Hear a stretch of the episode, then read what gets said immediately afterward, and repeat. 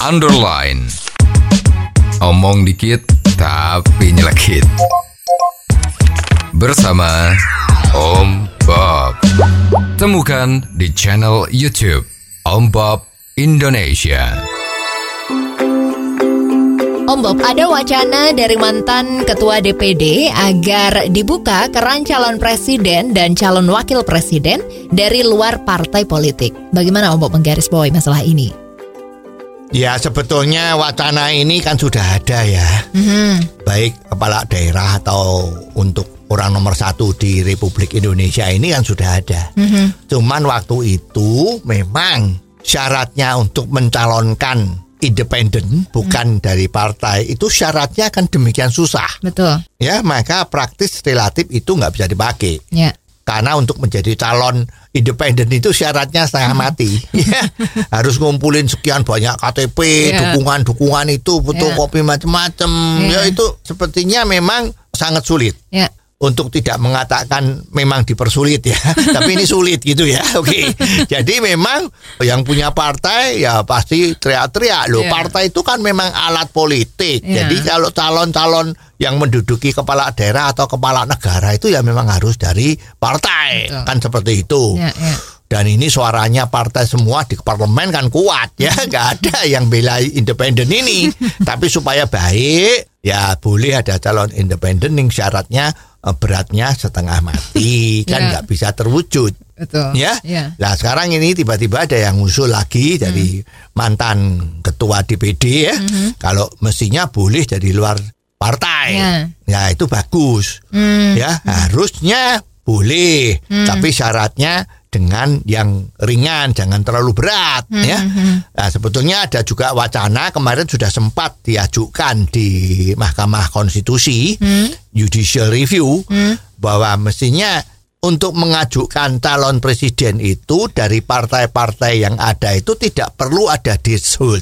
Threshold itu adalah nilai ambang Ya. batas ya. Ya. Sekarang seperti diketahui kan kalau nggak salah itu 20 persen memegang suara di parlemen dia yang boleh mengajukan calon presiden Ya. atau koalisi campuran asal sampai 20 persen boleh calonkan presiden. Ya. Nah itu kan waktu itu ada yang mengajukan judicial review agar syaratnya tadi itu menjadi 0 persen.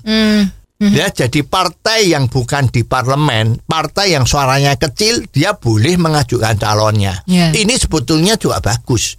Kalau memang demokrasi di Indonesia mau dijalankan dengan konsekuen, ya mestinya itu boleh. Hmm. Ya, jadi biar rame. Sekarang kan ada orang yang mengatakan, wah ini calon-calon dari partai-partai itu nggak cocok ya. Mestinya ada orang yang non partai ya, Ya, itu yang cocok, Hmm. tapi nggak bisa maju. Ya. Terus gimana? Itu kan berarti demokrasinya agak kurang ah, kurang lancar lah ya. Karena ada calon yang hebat tapi bukan anggota partai nggak bisa mencalonkan diri. Ya, ya. Itu gimana? Ya, jadi sebetulnya ide atau usulan dari mantan ketua DPD ini sebetulnya merupakan sinyal ya, sinyal-sinyal bahwa ada banyak sekali suara-suara di daerah yang tidak bisa muncul untuk menghendaki agar sistem pemilihan presiden kita yang lewat partai ini perlu diperbarui dengan yang lebih demokratis. Ya. Ya, tidak ada kepentingan vested interest ya. Jadi supaya semua jalannya lebih lebih lancar dan pemilihan akan menjadi betul-betul lugas. Kalau dibebaskan seperti itu, apakah ini akan jauh lebih baik, Om Bob? Ya, ini kan belum pernah dilakukan. Hmm. ya, jadi kita tidak tahu ini lebih baik atau tidak. Ya. Tapi yang terang kan ini terjadi satu perubahan. Ya. Ya, kalau sudah terjadi perubahan baru kita tahu. Mhm. Kalau nanti ternyata perubahan ini membawakan hasil yang lebih baik, ya ini diteruskan. Mhm. Ya, tapi kalau selama ini sudah berkali-kali ini tidak pernah terjadi hal-hal perubahan yang seperti ini, hasilnya kok ya begini begini begini saja. Ya, sampai sekarang ini kan bingung kan. Calon presiden kita nanti pada tahun 2024 nanti itu siapa? itu sampai hari ini semua bingung. Ya. Siapa yang cocok gant- gantiin Jokowi ya? Ya, ya. Siapa yang cocok? Ya, sampai akhirnya keluar kan. Bila perlu boleh tiga periode. ya karena memang sambil ini kita nggak ngerti kandidat siapa yang bisa gantiin. Ya.